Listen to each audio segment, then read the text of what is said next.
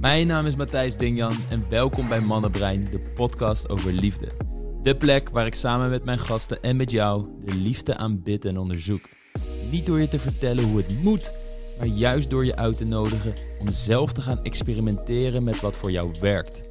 In de podcast krijg je inzichten, kwetsbare verhalen en praktische adviezen over de liefde, daten, relaties en alles wat daaromheen hangt. Zodat je in jouw eigen leven meer liefde kan voelen, ervaren en zijn. Enjoy. Annemarie Sips, welkom in de Mannenbrein podcast. Hi. Hi. Voor de mensen die jou niet kennen, kun je jezelf een korte introductie geven, zodat iedereen op de hoogte is van wat je allemaal doet in het leven. Dat ga ik doen voor jou. Dank je. Uh, ik ben Annemarie en ik ben uh, als eerste auteur, spiritueel auteur. Ik schrijf over de dingen in het leven. En Mhm. daarnaast uh, help ik mensen berusting krijgen. Mensen die last hebben, emotionele problemen. Zodat ze toch weer zin krijgen in het leven. Mooi, heel mooi. En ik heb al een prachtig boek van jou gekregen, voorbestemd. Die, moet ik, ga ik zeker doorlezen. Maar er was een ander boek dat ik tegenkwam op jouw Facebookpagina, De Moderne Monnik. En je schreef daar een quote bij die ik kort even wil voorlezen, omdat ik, um, omdat ik weet dat het voor heel veel luisteraars van deze podcast herkenbaar gaat zijn. En het ging als volgt. Vergeet nooit dat jij ook belangrijk bent. Je kunt er niet voor een ander zijn als je niet goed voor jezelf zorgt.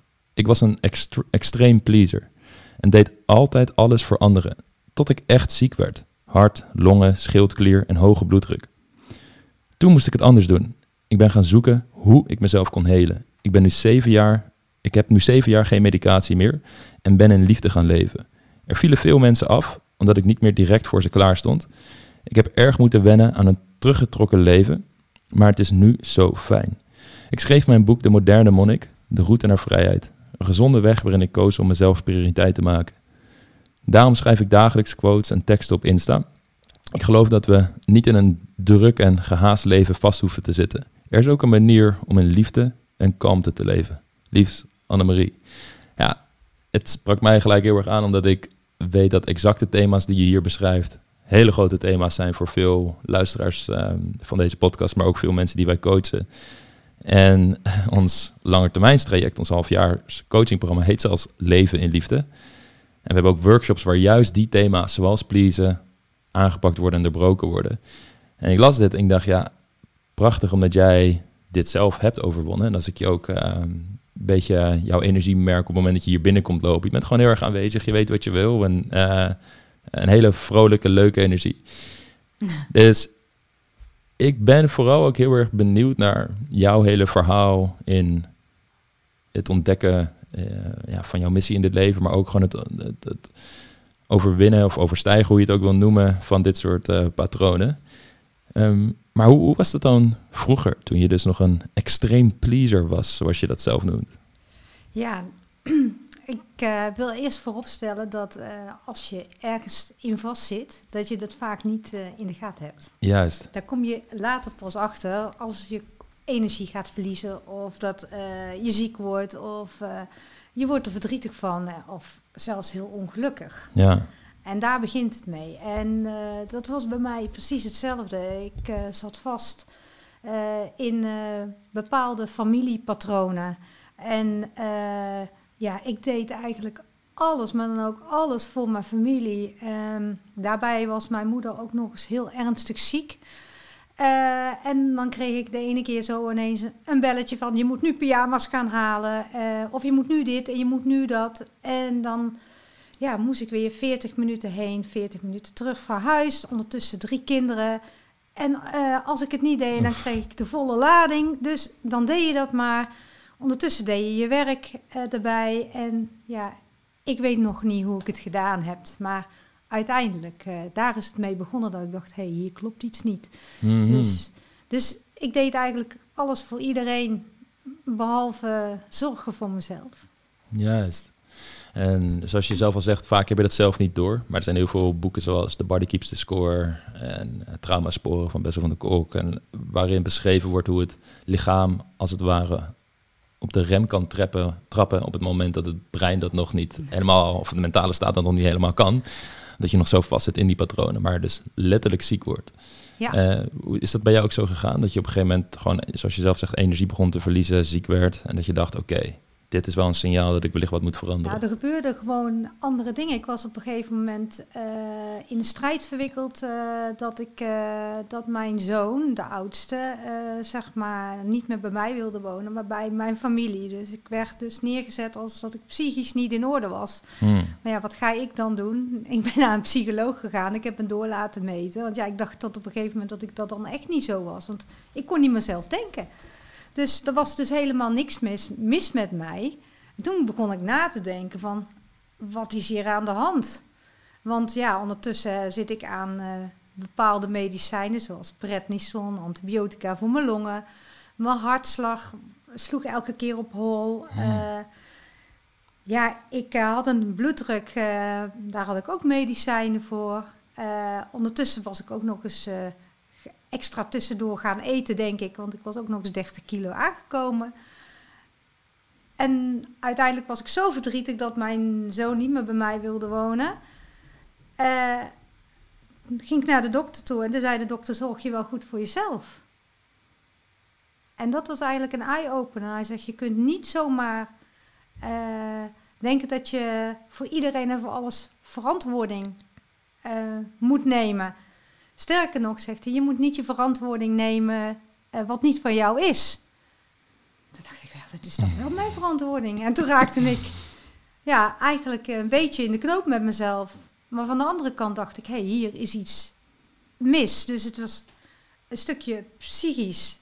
Dat ik dus, maar dat is echt het ergste wat je, wat, wat je als moeder kan overkomen. Dat je zoon gewoon zegt, ja, Ja, ik wil niet meer bij jou zijn. ja. Dat, dat, dat, dat, is, nou, en dan ga je ook nog eens extreem je andere kinderen extra aandacht geven. En Dat. nog meer, je gaat nog meer pleasen. ellende. om- ja, nee, maar ik vertel het nu zo, ik kan dit nu, maar had je het maar 10 of 15 jaar eerder gevraagd, dan had ik hier gaan huilen. Mhm. En ik weet zeker dat hier heel veel mensen, ehm, en vooral veel ouders, en misschien ook wel oma's kijken, die wat ouder zijn eh, of luisteren, die hun kinderen en kleinkinderen niet meer zien. Ja, Dus ja, heftig inderdaad. En je vertelde al, het komt uit bepaalde familiedynamiek waarin jij bent opgegroeid. Dat is natuurlijk wat je vaak ziet. Eh, hoe was die dynamiek bij jou thuis? nou, ik had een hele lieve, eh, eh, hele lieve moeder. Mhm. Echt waar, super lief. het begon in mijn idee dat mijn. Ja, het struipt er een beetje in. Eh, mijn ouders waren eigenlijk altijd heel goed voor mij. Eh, bij mij was het eigenlijk het probleem dat eh, ik moest voldoen aan eisen van de andere kant van de familie. Dus een, wat ik niet kon. Die wo- woonden in een soort van commune. Laten we het daar maar even op De houden. andere kant van de Ja, familie van ja. je vaders kant? Nee, dan? Het waren niet mijn ouders. Dat iemand daar eventjes goed ziet. Maar ik heb hele lieve ouders gehad. Maar we- je ging met elkaar ui- uiteindelijk een soort van strijd aan. Eh, en ik deed daar ook aan mee, hè? laten we dat weten, want je weet niet beter. En daar ontstond dus een beetje een giftige energie. Hmm. En Voor, voor mij om het plaatje echt Ja. helder te krijgen. Bedoel je dan tussen jou en je biologische ouders? Of, want, of- en de commune is... Nou, commune, ik wil niet commune zeggen, ik wil even zeggen, ze, wo- ze leefden anders dan wij. Right. Laat ik het zo zeggen. Ja, want anders gaan we, ik, ik wil ook niet dat die mensen... Dat snap ik hoor, maar dan heb ik een, een beetje een beeld. Ik, ja, ik dacht echt een soort communie waar ze in wonen, zag ik voor me. Maar alright. Dus Ik jij... kon niet aan die eisen voldoen, zeg maar. Juist. Ik wilde niet aan die eisen voldoen. En, Mm. Maar uiteindelijk ging wel mijn oudste zoon, ja, die nam wel afstand van mij. Dus dan krijg je uiteindelijk wel dat daar ja, problemen ontstaan. Mhm. Ja, psychische problemen. Ja, ja, kan ik me voorstellen. Want jij bent opgegroeid dus met ouders met hoge verwachtingen en eisen voor een- hoe ze graag hun dochter zouden willen zien. Ja, Jij bent uiteindelijk je eigen gezin gestart. ja. Maar je ouders hadden nog een dusdanige invloed op je, het gezin dat je toen had. Dat jouw Mhm. oudste zoon dus dacht, oké, eh, ik zie ook dat mijn moeder niet gelukkig is. En hoe het hier thuis gaat, eh, daar voel ik me niet prettig bij. ja. Ik ga richting grootouders dus Ja. als het ware. Ja, Dat is nogal wat. Dat je zoon dat tegen je zegt, ja. ja, ja. Hoe, je vertelt al van ja, ik had nog twee kinderen. Ik ging me meer op hun focussen en wellicht nog bepaalde patronen die al in me zaten nog sterker uiten daardoor. Dus wellicht nog meer claimen, nog meer je best doen, nog meer Ja. bewijs dat je goed genoeg bent en Ja. leuk genoeg bent om ze bij je te houden. Tegelijkertijd eh, zorgt het natuurlijk voor gigantisch veel stress, waardoor de lichamelijke kwalen allerlei. Ja, ik denk ook van beide nemen. kanten hoor. Ik, ik denk dat je dat ook bij jouw klanten wel ziet. Mhm. Kijk, wat ik meemaak, ik denk ik ook dat de andere kant daarmee struggelde. Mhm. Ik weet niet zeker natuurlijk, want we zeggen heel vaak van... eh, eh, ja, de ene, hè, narcisme, ik weet niet of je het woord eh, kent. Er wordt heel vaak gezegd van... ja, eh, hij heeft mij dit gedaan of zij heeft mij dat aangedaan... en dit zijn dan de symptomen.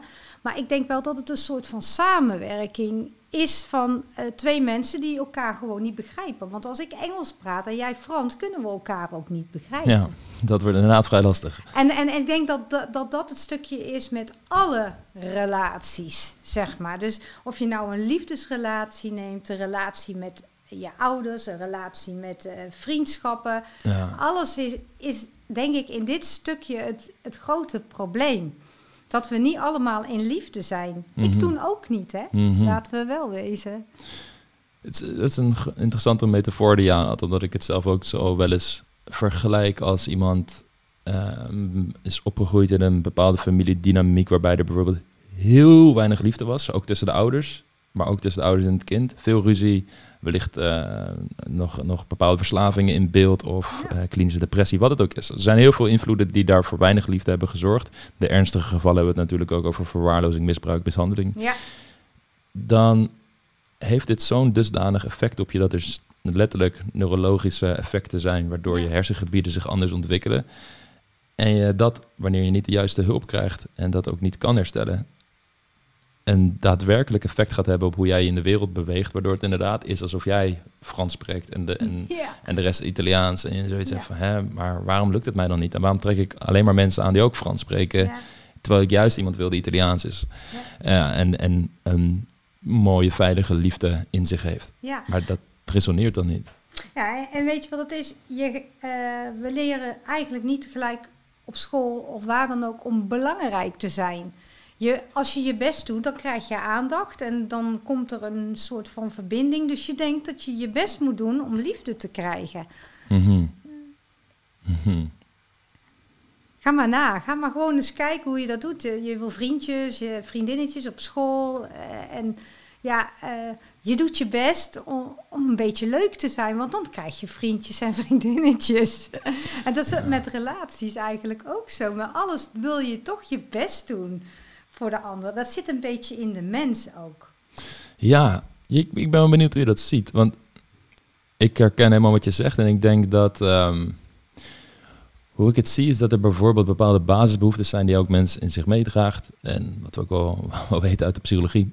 Bijvoorbeeld een behoefte aan erkenning en goedkeuring. Prachtige behoeften eh, en ergens ook heel fijn, want als kind kun je daardoor een identiteit ontwikkelen. Je kunt ook kijken waar je goed in bent. En misschien als je dat ook leuk vindt, daar wel kan dat een, een pijl zijn van, oh, dit zou wellicht een mooi pad voor mij kunnen zijn Ja. in het leven. Dus het heeft een functie.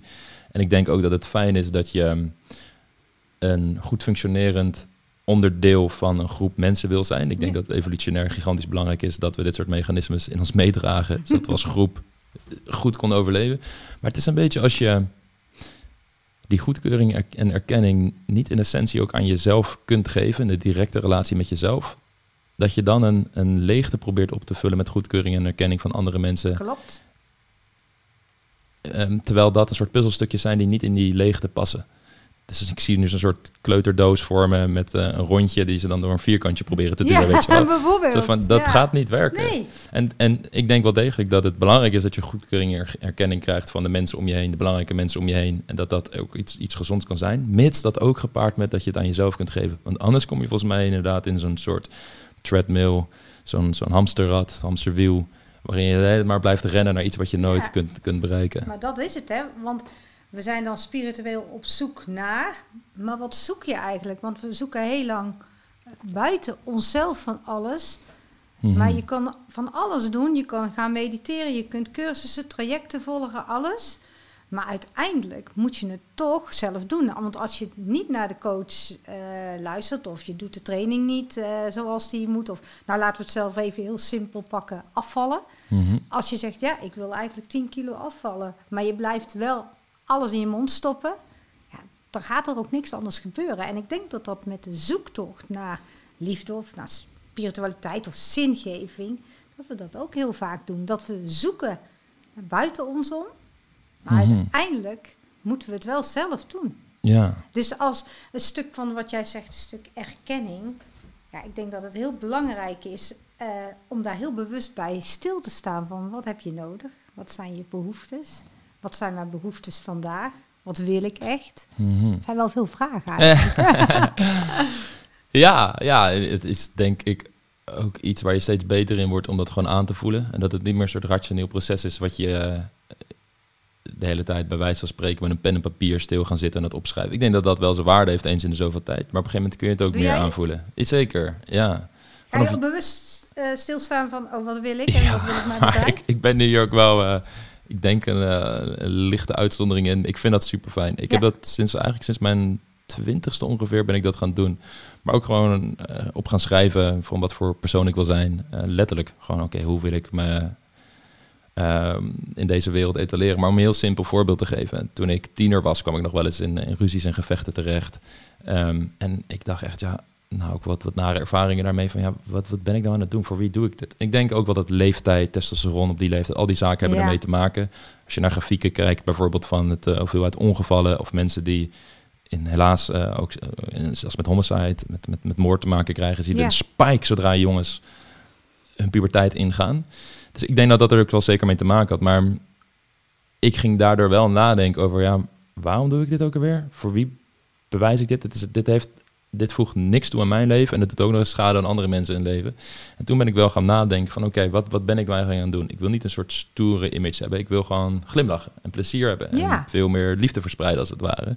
Dat, en dat waren nog wel hele prille ideeën hoor. Want Mhm. ik bedoel, je bent twintig, je Ja. bent alles nog helemaal aan Ja. het ontwikkelen. Wat, wat weet je nou echt? Maar dat heeft wel... ehm, ik, ik, ik, om mijn achttiende kreeg ik namelijk een boek met datingadvies eh, voor mannen. En dat heeft mij kennis laten maken met de hele wereld van zelfontwikkeling. En toen kwam ik toen de tijd nog met eh, van die Amerikaanse goeroes zoals Brian Tracy... die dan een eh, CD tape, tapes had met zelfontwikkeling. En dat waren de eerste ideeën van zelfontwikkeling waar ik mee in aanraking kwam. En dat heeft toen het hele balletje doen rollen. En nog steeds, dus elke keer rond kerst, oud en nieuw, ga ik naar mijn ouders toe. Ik heb daar eh, nog steeds een kamer. En dan zonder ik mezelf een beetje af van de normale, het normale leven dat ik leid. Tijd voor reflectie. Gewoon zien van, oké, wat wil ik? Hoe, waar, waar sta ik? Wat vind ik fijn? Wat zijn dingen die ik mag Ja. veranderen? En het brengt me heel veel, merk ik, ja. Ja, dus ik vind fijn, het ontzettend fijn, zeker. Ja, en maar ja, het is niet iets waar, waar ik per se dan elke dag soort van doelmatig de hele tijd mee bezig wil zijn. Ik wil op een gegeven moment ook dat het meer... Mijn leven kan wel gewoon zijn flow hebben, maar ik heb een soort richting als het ware die me helpt om af en toe gewoon aan te voelen van, oh ja, dit past nu bij Ja, die dingen die ik allemaal wilde bereiken en wil doen. En, en waarvoor doe ik het dan allemaal? Oh ja, bijvoorbeeld voor nu is eh, eh, een van de belangrijkste dingen voor mij sinds een paar jaar zijn wel echt mijn relaties geworden.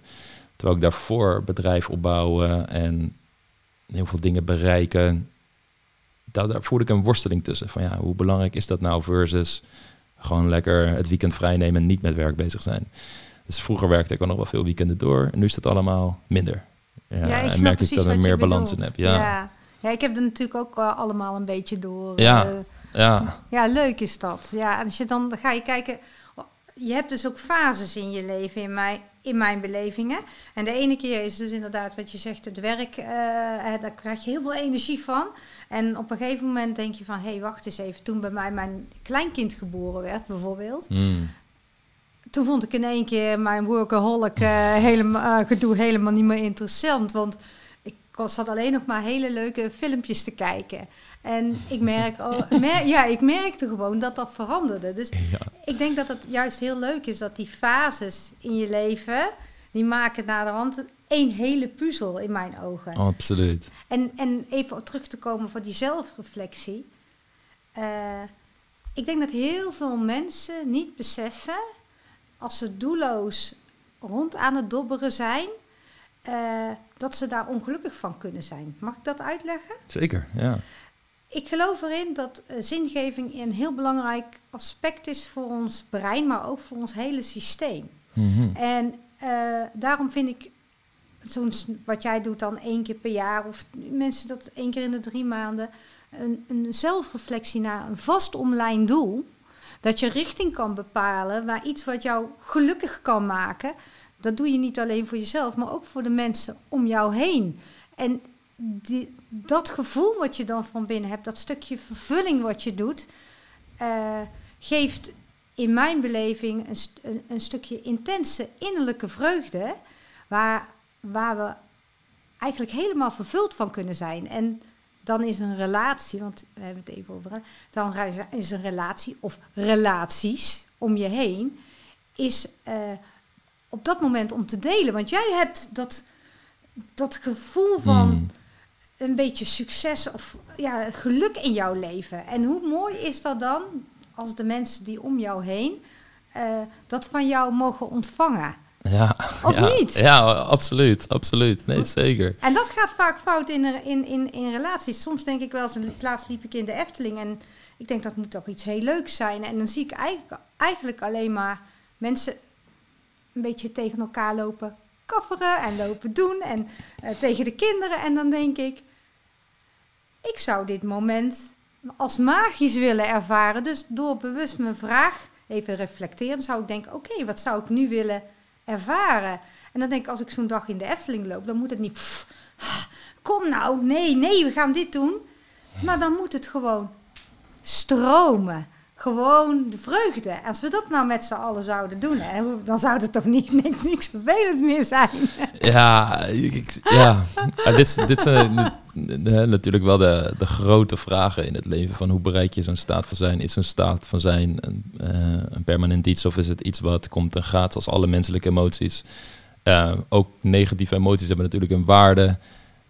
Ze geven je soms informatie tot bepaalde situaties of mensen in de toekomst vermeden moeten worden. Uh, zodat je jezelf kunt beschermen, zodat er wellicht geen vervelende dingen met je gebeuren. Dus er is zoveel variabelen die hierbij een rol spelen. Maar ik denk het, het overtrappende of overtreffende principe dat je hier aanduidt, is dat je bewust wordt van al die dingen. Ja, juist. En daar is die zelfreflectie heel erg belangrijk ja. op. Omdat je dan niet meer die patronen aan het uitleven bent zonder dat je het door hebt, maar je kunt eruit snappen en denken van, oh, ik loop nu te kafferen op mijn familie in de Efteling, terwijl we eigenlijk gewoon plezier kunnen hebben.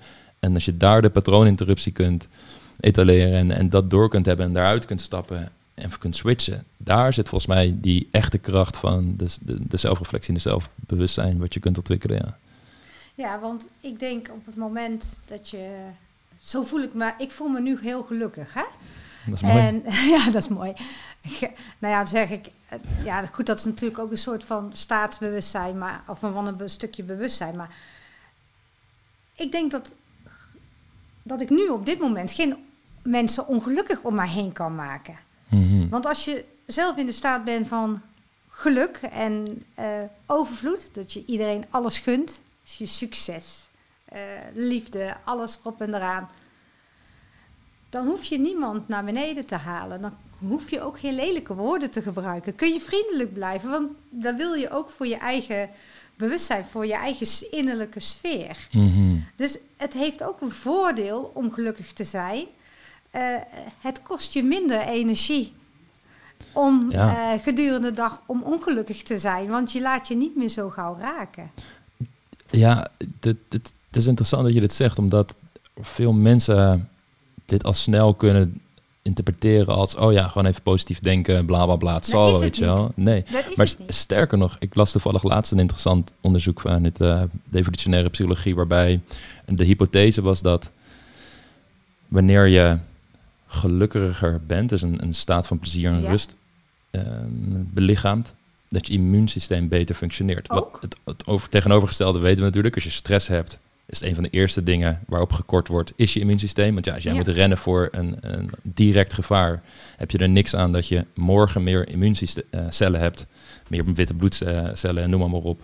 Want ja, als je dit gevaar nu niet overleeft, is er geen morgen. Dus Nee, dat is een van de eerste dingen die uitgeschakeld wordt. Maar tegenovergesteld is het dus ook waar, wanneer jij je meer positief voelt, fijner voelt, minder stress hebt, dat je immuunsysteem sterker is. Dat was een heel mooi onderzoek waarbij ze mensen... Het klinkt een beetje luguber, maar ze hadden uh, acht belaarsjes gecreëerd op een arm. En daar een klein sneetje in gemaakt, zodat er een kleine wondjes waren die moesten herstellen. En dan deden ze dit met koppels. En dan, die koppels moesten dan twee keer komen. Twee keer werden die wondjes gemaakt. En de eerste keer mochten ze gewoon praten over de mooie aspecten van hun relatie en hoe ze mhm. elkaar hebben leren kennen. Dat was de baseline van hoe snel herstellen die wondjes. Moesten ze later nog een keer terugkomen. En toen moesten ze gaan praten over problemen in de relatie en dingen die niet lekker lopen. En alles werd gefilmd. Ja, en het is bizar hoe, um, ondanks dat mensen weten dat het een experiment is en dat het opgenomen wordt, geen blad voor de mond nemen. En gewoon echt, boem, in de issues komen. En uh, ja, je ziet dus ook de fysiologische effecten van een verhoogde hartslag en zo. Dus mensen gingen echt wel degelijk er echt flink in. En dan zag je dat mensen, um, dat de wondjes dan er een dag langer over deden om te herstellen. Bij de mensen waarbij de ruzies echt flink waren, en ook de onderzoekers uh, op basis van de videotapes die opgenomen waren, zoiets hadden van, ja, dit gaat er wel echt flink aan toe, dat dat soms twee keer langer erover deed. En dat er ook um, meer bacteriën of meer infecties waren in die wondjes. Ja, er zijn heel veel van dit soort, soort onderzoeken gedaan. Maar dit duidt wel heel erg aan hoe belangrijk het is inderdaad om een staat van zijn te kunnen belichamen waarin je bewust bent van dit soort patronen. En niet per se negatief een negatieve gedachte of negatieve emoties wegzet als het, dat mag ik niet voelen en dit en dat. Maar de waarde ervan ziet, want het kan je beschermen op, op, op een moment als er een auto aankomt en ik spring weg omdat ik denk, oh shit, ik moet wegwezen. Dan voel ik een klein beetje stress en dat helpt me. Maar daarna wil ik het loslaten. En daar zit die, die crux, het loslaten ervan en niet de hele tijd die staat van stress belichamen. Ja, het is een klein verhaal, maar waar ik naartoe wil is, uh, wat ik heel interessant vond, is dit bewustzijn is op een gegeven moment dus bij jou gekomen toen je nog in die situatie zat dat je zoon bij je weg wilde. En hoe, hoe is dat voor jou dan gegaan? Nou, uh, dat is wel heel mooi, want precies hoe jij het zei, ik had natuurlijk mijn hart, mijn longen, mijn hoge bloeddruk, mijn schildklier was van zijn padje af. Dus uh, ik had hmm. een te snelle schildklier, dus ik was heel mager geworden. Kreeg ik weer tabletten, uiteindelijk werd daar weer heel dik van. En uh, um, dus het klopt wel dat op dat moment was ik heel, vrij de zaakjes ongelukkig. Maar ja, omdat je ergens tussenin zit waar iedereen een beetje zo is, heb je niet, ben je niet op zoek naar liefde. Dus op een gegeven moment kreeg Bedoel je dat? Ja, je bent niet op zoek naar liefde. dit, is jouw, dat, dit is jouw omgeving. Dat zijn jouw naasten. Uh, het hmm. loopt zoals het is. Je bent niet op zoek naar, naar heling op dat moment. Op dat moment ben je aan het overleven. Hmm. Ja. Snap je een beetje wat ik bedoel? Of is het moeilijk? Ja, nou, ik snap, het, ik snap wat je bedoelt, dat, dat veel mensen mij dit vertellen. Wat ik zie, is dat ze zich, ja, dan moet ik het goed voor, proberen te verwoorden, maar wat ik dan vaak zie, is dat ze dus zichzelf verliezen in de patronen en niet doorhebben dat ze het patroon uitleven. Precies, dat is het. Dus je, je zit daar nou, uh, in. Tot ik op een gegeven moment dacht, is dit het nu? Hè? En ik had die gesprek met de dokter gehad. En toen dacht ik, hoe ga ik dan, waar moet ik dan verantwoording voor nemen? En heel langzaam aan kreeg ik. Uh, ik ben helderziend, hè. Ik ben iemand, ik ben altijd wel, heel mijn leven heb ik een glazen bol bij me gehad. Mhm. En uh, zo noem ik dat altijd. En dan ben je al een vreemde, hè. Dan, uh, ook voor kinderen om je heen, want ik zie dingen die een ander niet zag. En ik dacht dat dat normaal was. Dat iedereen een aura om zich heen was. Dat dacht ik dat iedereen een regenboog om zich heen had. Mm Maar dat was zo niet. Dus op een gegeven moment ben ik gaan zitten en kreeg ik uh, letterlijk, en ik ben zo nuchter als wat, maar ik kreeg dus boodschappen door. Ik begon, ik stelde een vraag en ik kreeg antwoord terug. En zo ben ik eigenlijk begonnen met een boek schrijven ook. Ik denk, nou, als ik dat antwoord eens opschrijf. En het eerste antwoord, uh, uh, eigenlijk een vraag die ik kreeg om uit te proberen, is wat zou liefde doen? En ik vond dat zoiets raars, want ik ben heel nuchter, nogmaals. En toen dacht ik, ja, liefde. Maar wat is. We denken vaak liefde is iets tussen elkaar, maar liefde is iets veel groters. Mhm. Ik kom even terug op die wondjes, wat jij zei. Als we elkaar liefde zouden geven door in een natuurlijke staat, dan zouden we allemaal, volgens mij, veel gelukkiger zijn. En konden we veel meer dingen doen waar ons hart van gaat zingen. Mm Dat denk ik. Ja. ja en, ik, en ik denk ook dat je dan elkaar beter begrijpt als je elkaar aanvoelt. En hier komt het stuk. Doordat we met z'n allen ehm, zoveel haast hebben en eh, zoeken naar erkenning, kom ik weer naar het stuk toe, eh, kunnen we eigenlijk ook heel moeilijk ontvangen. Mhm. Want als ik tegen jou zeg van, oh, ik vind jou zo aardig en zo lief, de eerste reactie, jij kent mij niet. Waar komt dat vandaan? Terwijl dat wel onze natuurlijke stroom is. Mhm.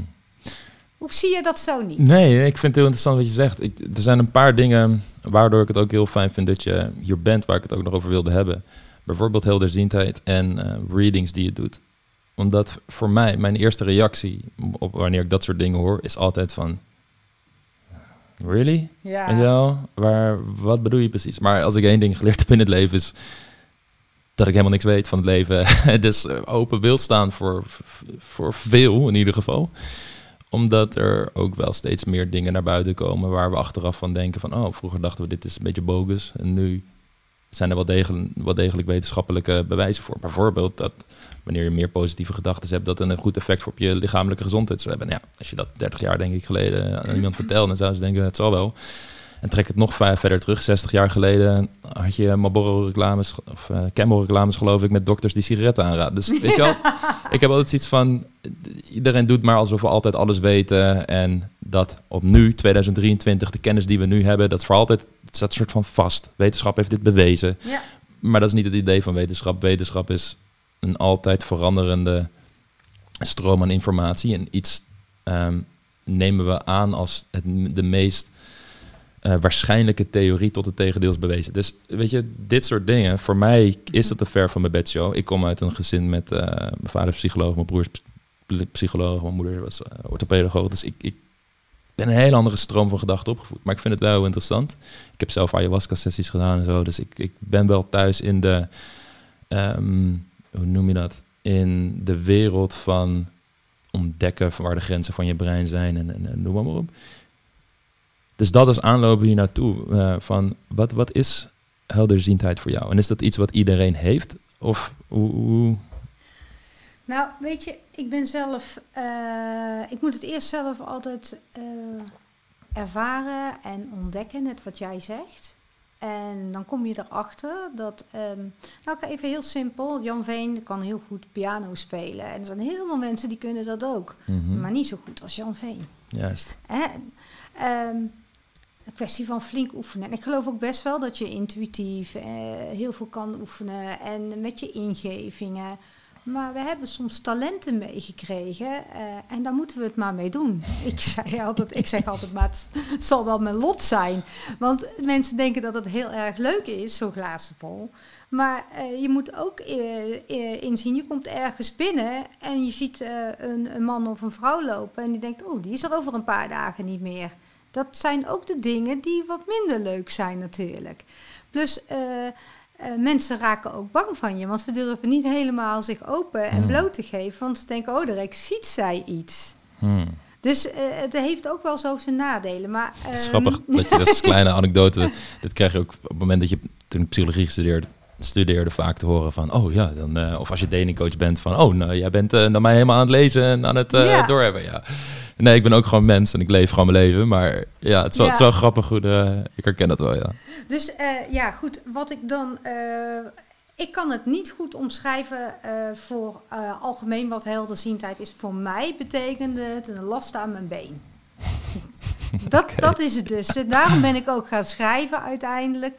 Want eigenlijk wilde ik er van af. Het staat Mm. ook in mijn boek. Ik wilde er vanaf, want ik wilde ook gewoon normaal zijn. ja. En eh, dus eh, nu, vind ik, nu ben ik 54 en nu heb ik zoiets van ja, ik moet er maar, maar mee doen en ik moet er maar mee leven. Ik kan er natuurlijk heel veel mensen mee helpen. Juist wat ze net niet zien, om hun blinde vlek open, eh, open te stellen. Of eh, net het stukje waar, ze, waar, waar de coach er niet bij komt, Mhm. kan ik juist in, ja, ik zie eigenlijk in, in, in, in nog in 10 seconden wat het probleem is. Ik kan Hmm. iemand in 10 seconden dan gewoon vertellen van hier zit je mee. Mhm. En ehm, dat is ook, ook wel heel fijn. Kost ook minder tijd. dus eh, ik heb er ook de voordelen van ingezien. Maar in principe is het, eh, je, je, je kan energetisch verbanden leggen waar, waar je met iemand met het blote oog niet, mee, eh, niet kan zien in principe. Dus eh, je kijkt eigenlijk naar de onderstroom. Dus eh, de, de, de energie wat, wat, wat eigenlijk niet zichtbaar is, die kan je er eigenlijk uitpakken. Hmm. En dan zeg ik altijd, en dan moet je het eigenlijk zo zien als een bibliotheek van het universum. En je pakt een boek eruit, en dit spietje. En het is net of je dan de, de, ja, een bladzijde kan lezen. Right. Ja, zo zie ik het maar. Eh, En eh, ik kan het niet nuchterder vertellen. Ja.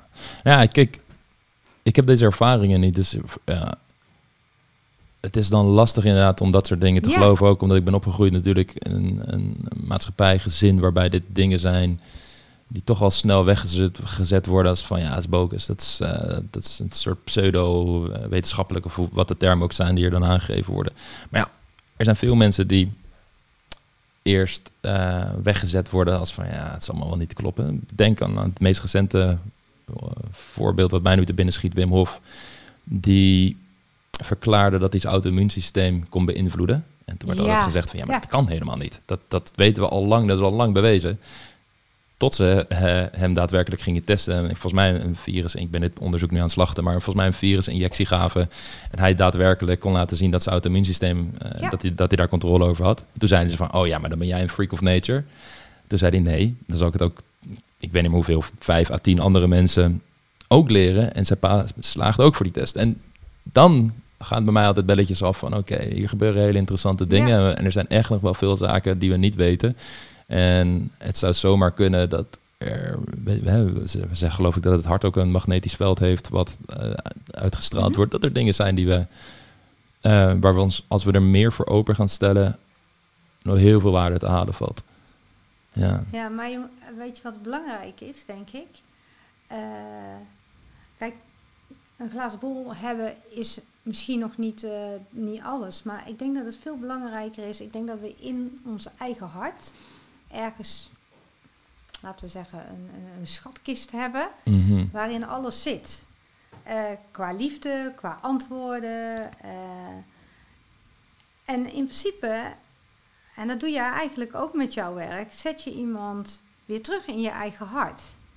En dan heb je die helderziendheid niet nodig, maar dan heb je eigenlijk nodig dat je vertrouwen hebt in wat je eigenlijk zelf kan. Mhm.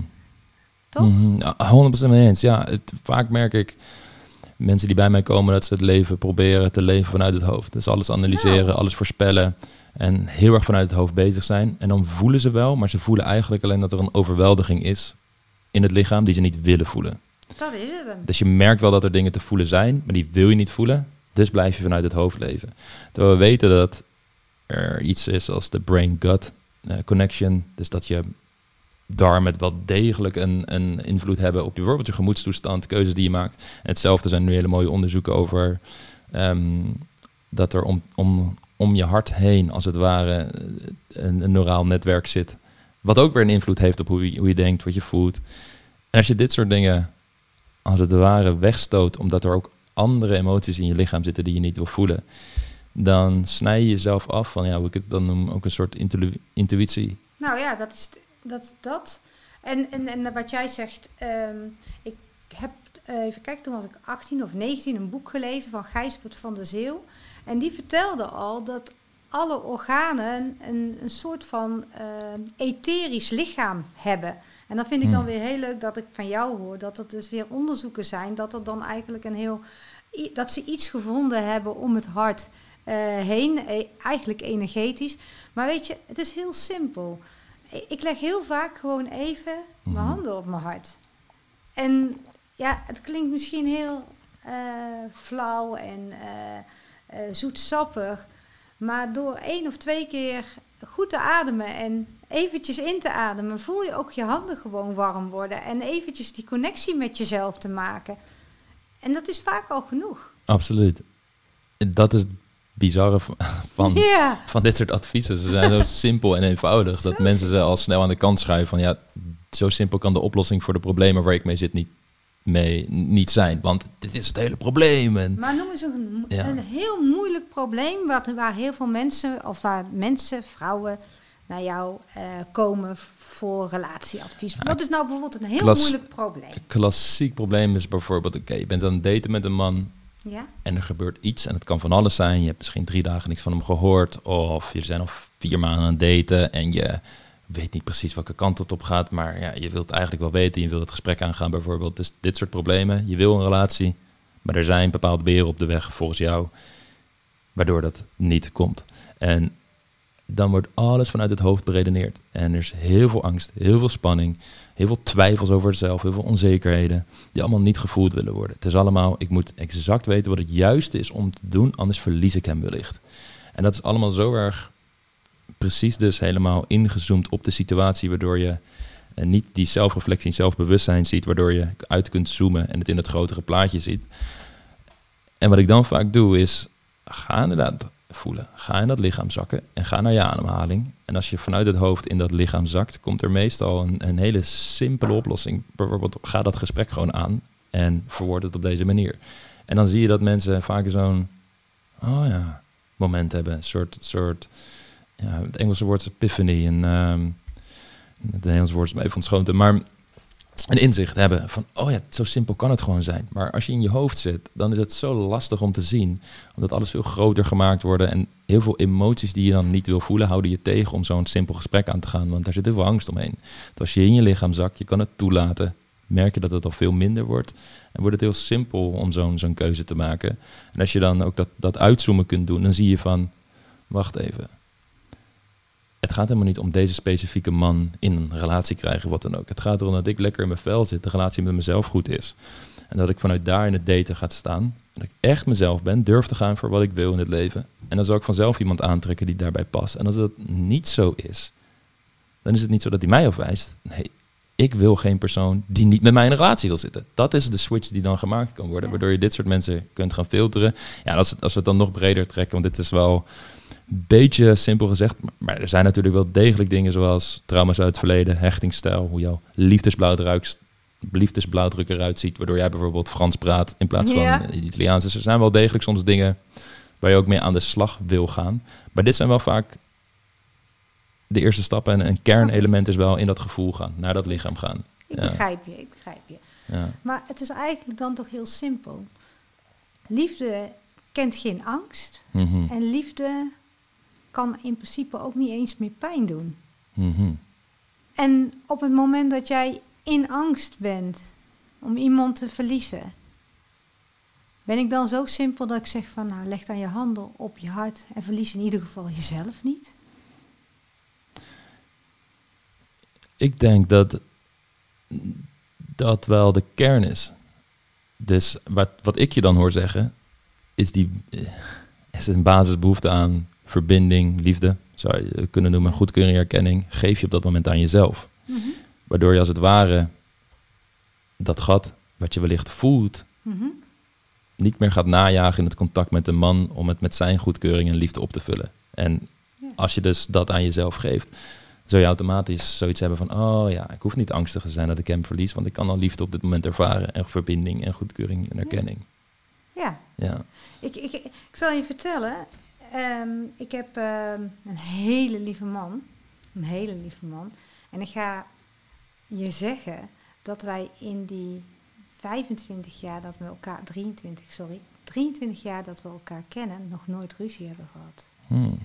Nog nooit. Je mag me recht in mijn ogen aankijken. Huh. Zou ik zeggen. Nog nooit een conflict. En weet je hoe dat komt? Omdat wij elkaar beloofd hebben dat we elkaar alleen maar het beste gunnen. Hmm. En dat die intentie altijd blijft staan. En dat we elke ochtend, als we onze ogen open doen, elkaar in de ogen kijken en dan voor elkaar kiezen. Elke dag. Heel mooi. Ja. En ik denk dat zo liefde hoort te zijn. ja, vooral die keuze. Ja, dat is de keuze die je maakt. Ik wil niet met iemand in een eh, relatie zijn waar ik angst moet hebben om hem te verliezen. Dat is giftig. Dat voelt niet goed. En en iedereen moet dat zelf weten. Maar echte ware liefde, begint toch altijd eerst in je eigen hart. Want als jij al die angsten nog hebt, kun je natuurlijk dan niet, hè, en, en niet van jezelf zo kan houden, kan je niet van een ander verwachten dat hij dat opvult met die liefde van, die an, van, zijn, van hem of Mhm. haar. Of, wie- want dat is vaak wat ze denken dat liefde is, dat je elkaar moet opvullen. Ja. Maar in feite is het, je kiest voor elkaar een levensmaatje. Het moet natuurlijk ook wel een aantrekkingskracht zijn. Want ik moet eerlijk zeggen, na 23 jaar, als ik mijn man binnen zie lopen, eh, dan denk ik nog steeds van, hij is om op te vreten. maar het begint wel in je eigen hart. Mhm.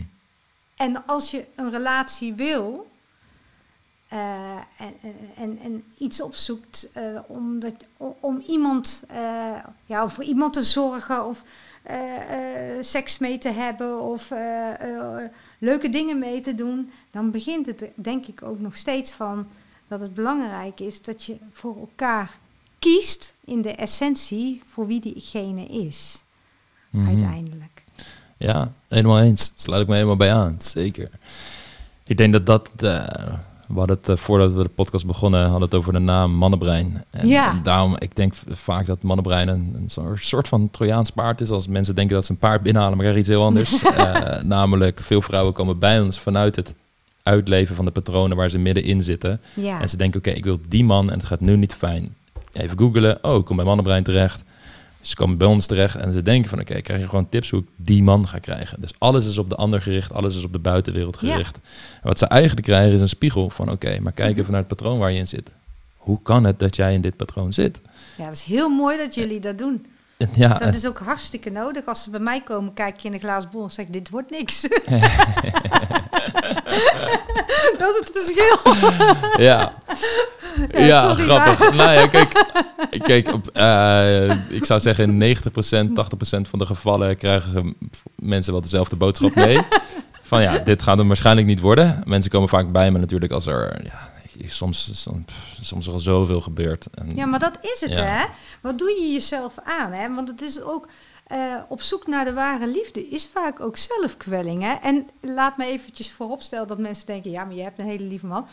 Ik ben drie keer getrouwd. Dus eh, Hmm. laten we, ik weet heus wel hoe het is, hoe het niet moet. ja. Maar voordat ik eh, mijn man leerde kennen, ehm, zat ik in die zelfbewustzijn.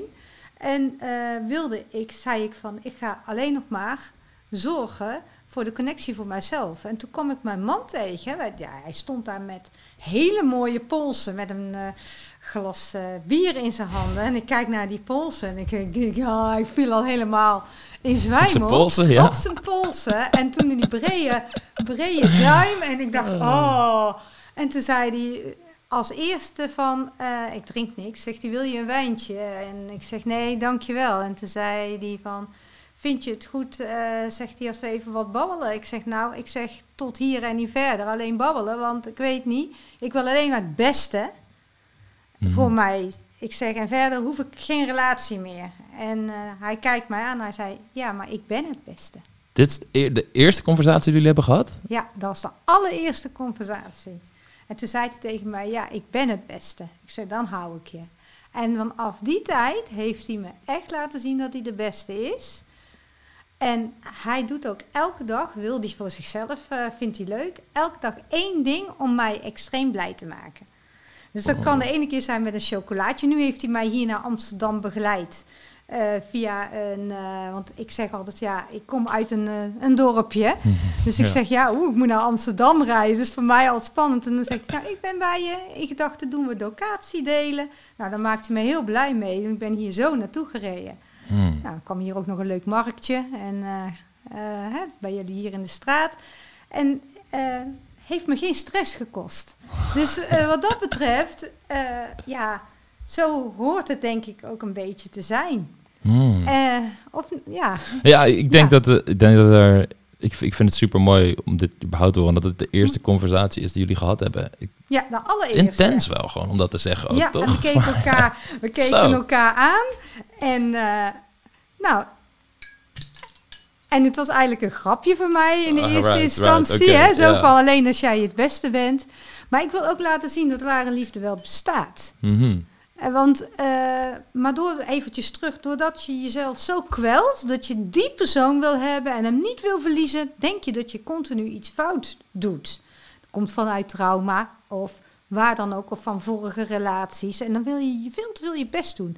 En mijn advies is als je op een date gaat of als je iemand net hebt leren kennen, doe je oude kleren aan, maak je eigen niet op. Eh, ga juist zitten zoals je normaal op de bank zou zitten. Want dan kun je zien of je jezelf kunt zijn. Want als dat toch niet lukt, nou, dan, dan gaat het anders nooit lukken.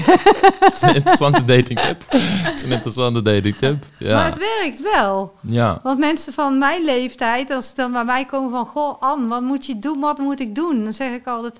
Ja, weet je, trek je kloffie aan, wat het beste zit... en ga zo naar die persoon toe. Ja, ik heb ook helemaal geen zin meer om eh, eh, elkaar uit te, om te gaan daten... of tien dates te hebben en elkaar uit te gaan vragen. Ik wil gewoon kijken of het klikt. Nou, alsjeblieft, doe dan gewoon hoe je zelf bent... Mhm. En eh, ik denk dat je jezelf maar gelijk het grootste cadeau geeft, want het gaat uiteindelijk om de ziel. Hmm. Hmm. Zeker. Ja, ja, nee, ik zit je, je dating tip nog te, te processen. ja, Eh, leuk hè? ik zag allemaal mensen in joggingsbroek en zo Ja. eh, lekker, lekker op eerste dates verschijnen.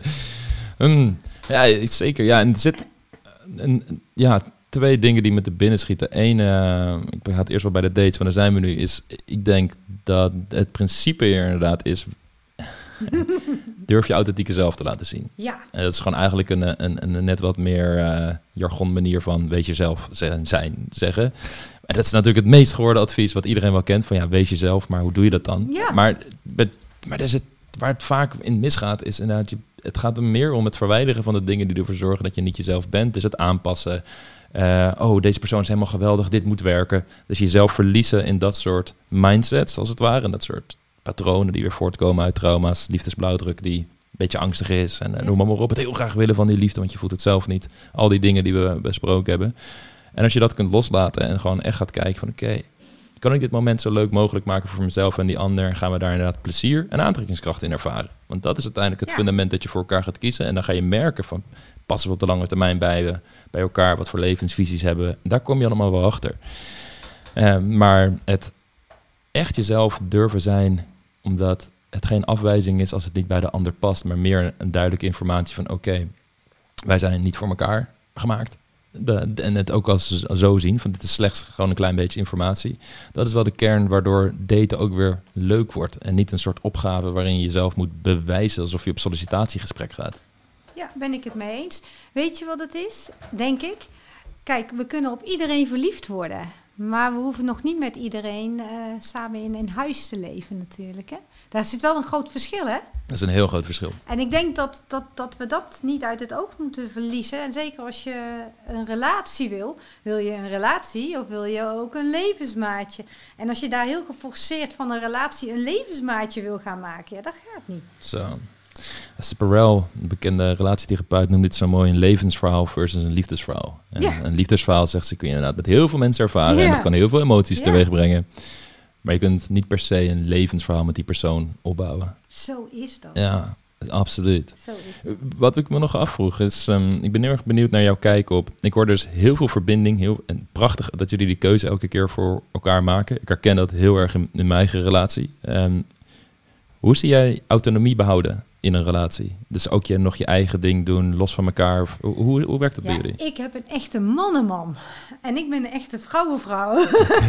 dus wij hebben ook... eh, ja, dat kan helemaal niet door elkaar heen komen in principe. Want eh, ik wil hem man laten zijn. En hij wil mij vrouw laten zien zijn. Dus het is zo mooi. Eh, ik deed vanochtend even een foto maken voordat ik wegging. En hij zegt, ah knap, want dan zie je toch lekker uit. Nou, dat vind ik leuk om te horen eh, van hem. Mhm. En eh, ik denk dat dat de, de kleine dingen zijn die, die het leven ook heel leuk maken. Juist dat je niet in elkaar, elkaars leven zo verstrengeld zit dat je elkaar wordt. In principe. Want Mhm. dan, dan kan je ook niet meer zo van de ander genieten, toch? Doen jullie dingen los van elkaar ook dan? Of? Ja, ook. Right. Nou, ik zit nou hier. Juist. En hij zit er niet ja, bij. nee, hè? nee. Hij nee. mocht niet ik heb de mee kamer zijn. niet gecontroleerd, maar volgens mij is hij hier niet mee. Nee, ik vind eh, mijn werk doe ik los. Eh, mijn man eh, en ik hebben samen, ons bedrijf doen we samen. We doen alle twee ook, hebben we nog een, een, een vastgoedbedrijf. En mijn man die is hoofdtechnische dienst. En zo nu en dan eh, doet hij interim ergens waar het nodig is. Eh, dat vindt hij gewoon ook heel erg leuk om te doen. Hij hoeft financieel gezien niet meer te werken, maar hij vindt hij gewoon leuk om te doen, doet hij opdrachten. Right. Dus eh, dat is echt zijn ding. En dat stukje coaching, helderziendheid, wat ik zeg, mijn ding gaat soms een stukje verder, omdat het de spiritualiteit is en dat ding. Dat ding, het is niet een ding. Dat, dat, die, die leven, dat, dat stukje, daar heeft hij heel weinig mee. Hij respecteert dat helemaal en hij heeft dat ook heel vaak gezien, net als jij. Van nou, eh, het, het bestaat wel, maar ja, het is voor mij abracadabra. Juist. Dat is echt mijn ding. Juist. En ik denk dat jullie dat misschien ook zo hebben. Dus dat je, eh, eh, jullie kiezen voor elkaar, maar je houdt heel goed jouw ding. En eh, toch een stukje gescheiden van de ander. En dan kun je dat met elkaar er ook wel weer over hebben. En dan komt dat ook weer een stukje samen. Dan heb je weer verbinding, hè? 100%. Ja, dat Leuk, hè? beschrijf je. Ja, zeker. dat beschrijf je heel mooi. Want dat is natuurlijk de vraag van hoe weet je of je met iemand een leven kunt opbouwen? Ja, het gaat erom dat je elkaar in grote dingen die belangrijk voor elkaar zijn kunt vinden. En dat er genoeg verschillen zijn die je kunt accepteren. Ook, ja. En, en dat je de verschillen van de ander ook nog eens leuk vindt. Juist. Want ik kan helemaal niks, niks vinden van mijn man wat ik lelijk aan hem vind. Het enige wat ik wel eens heb, is dat hij s'avonds snurkt. En dan moet ik hem eventjes eh, wakker maken. Maar verder, eh, eerlijk, ik zal eerlijk zeggen... Ik kan het me ook niet voorstellen dat ik lelijk over hem zou praten waar een ander bij is. En ik krijg heel vaak, ja, mijn man doet dit en mijn man heeft dit en mijn man is narcistisch. En ik denk, ja, maar daar gaat het al fout. Als het moet, je man moet, moet toch je man zijn? Ja. Daar moet toch alleen maar liefde in zitten Ja.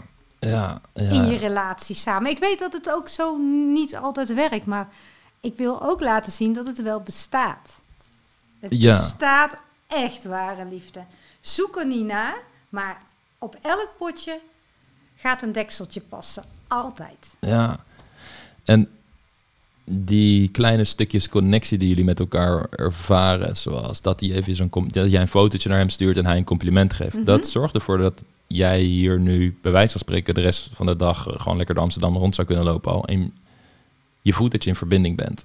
En Ja. omdat je dit zo vaak met elkaar, met elkaar hebt gedaan, denk ik dat het zelfs ehm, voor een dag niet uit had gemaakt of je dat eh, had gestuurd. Stel als er geen contact was, voel je alsnog die verbinding. Ja. Alleen vanuit liefde vind je het leuk om dat fotootje te sturen. Gewoon Ja. puur voor het plezier en het creëren is- daarvan en het delen. Maar het, het zijn dit soort uitingen van de connectie aangaan met elkaar die voor dat fundament van liefde, vertrouwen, verbinding zorgen. En dat is iets wat lang niet in alle relaties aanwezig is. En als allemaal van dat soort dingen al missen. ehm, bijvoorbeeld later ik een, een, een man die eh, ja, iets, iets heel simpels. Hij was een weekendje weg geweest. Zijn vrouw die had alle dingen gedaan die ze normaal gesproken in het weekend doen. Zoals huis schoonmaken, de was doen, eh, boodschappen halen. Allemaal dingen die ze normaal gewoon verdeelden. Maar nu had ze dat allemaal gedaan. Hij komt thuis en hij zegt er gewoon niks over.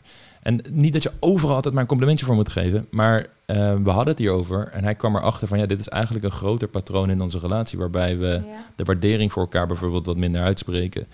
En het soms, zijn juist dat soort kleine momenten. Dat als je dat wel doet, Ja. dat de ander zich veel meer gezien voelt, veel meer goedkeuring ervaart, erkenning ervaart, wat weer een ripple effect gaat hebben op andere gebieden van die relatie. En ook wat ze weer voor jou over heeft, hoe jullie elkaar zien. En dan kan de liefde echt gaan floreren, omdat er geen ergernis en irritaties zitten in die relatie die dat in de weg Maar je staan. kunt het ook zelf doen. Hè? Kijk, als, als jij het huis heel schoon hebt gemaakt. Mijn man ziet dat ook niet hoor. Of als ik iets nieuws heb gekookt, dat ziet hij niet. Maar ik heb dat geleerd. Dan zeg ik, kijk eens, zeg ik. Ik heb Mm. vandaag de kastjes helemaal schoongemaakt. Kom maar mee. En dan pak ik hem mee en dan moet hij al die kastjes in gaan kijken. Dan zegt hij netjes hoor. En dan lig ik in een deuk. En dan zeg ik te- tegen hem weer op een andere manier. Of wat dan ook. Zeg ik van, nou, ben ik blij dat jij het ook mooi vond. Ja, Dan ga ik eens lekker voor jou koken. Nou, dan zit hij lekker te eten. En dan denk ik, ja, je kunt elkaar ook een beetje helpen. Hè? absoluut. Dus ja. ik, ik kan ook niet voelen of eh, ruiken wat iemand op dat moment nodig heeft. Maar 100%. dat fotootje of eventjes dat, dat die connectie... Als iemand binnenkomt en zegt van... joh, kijk eens, normaal zouden we het samen doen... maar ik heb het al gedaan. Leuk, hè? Ja. En eh, ja, dat zijn toch hele kleine dingen. Soms staan we in één keer samen de was te drogen of de wasmachine uiteraard met z'n tweeën. Dus hij naar boven gegaan en eh, dat staat bij ons op zolder.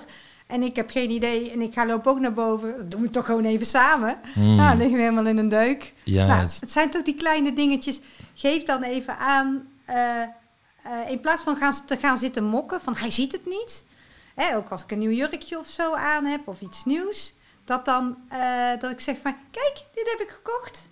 mhm, 100%. Ja, dat, Eh, dit- zijn wel echt de dingen die uiteindelijk de relatie eh omdraait. ja, dit toch. soort kleine momenten die allemaal Ja. ja. uiteindelijk de gehele relatie bouwen. Het zijn zeg maar de atomen die zo steeds groter worden tot je uiteindelijk de hele relatie hebt. Maar dit draait, hier draait het wel om. Dat is liefde. 100%. Het ant- antwoord is altijd liefde en daar kun je altijd in stoppen. Hoef je alleen maar, ben je één, maar één zin van verwijderd. En hoef je alleen maar te zeggen, ik ben bereid om in liefde te stappen. En dat is de eerste zin. En dan ga je heel langzaam bewust raken, dit is wel liefde voor mij. En dit voelt anders. En dan kies je steeds meer voor het stukje liefde. En dan ga je steeds meer naar harmonie en dan ga je het op een andere wijze bekijken. Ga je op een andere wijze reageren. En dan ga je heel langzaam de ander ook als lief- liefde zien. En uiteindelijk kun je dus de liefde aan anderen verklaren. En ja, dan heb je eigenlijk gewoon een leven waarin minder, zo noem ik dat als minder gedoetjes zijn.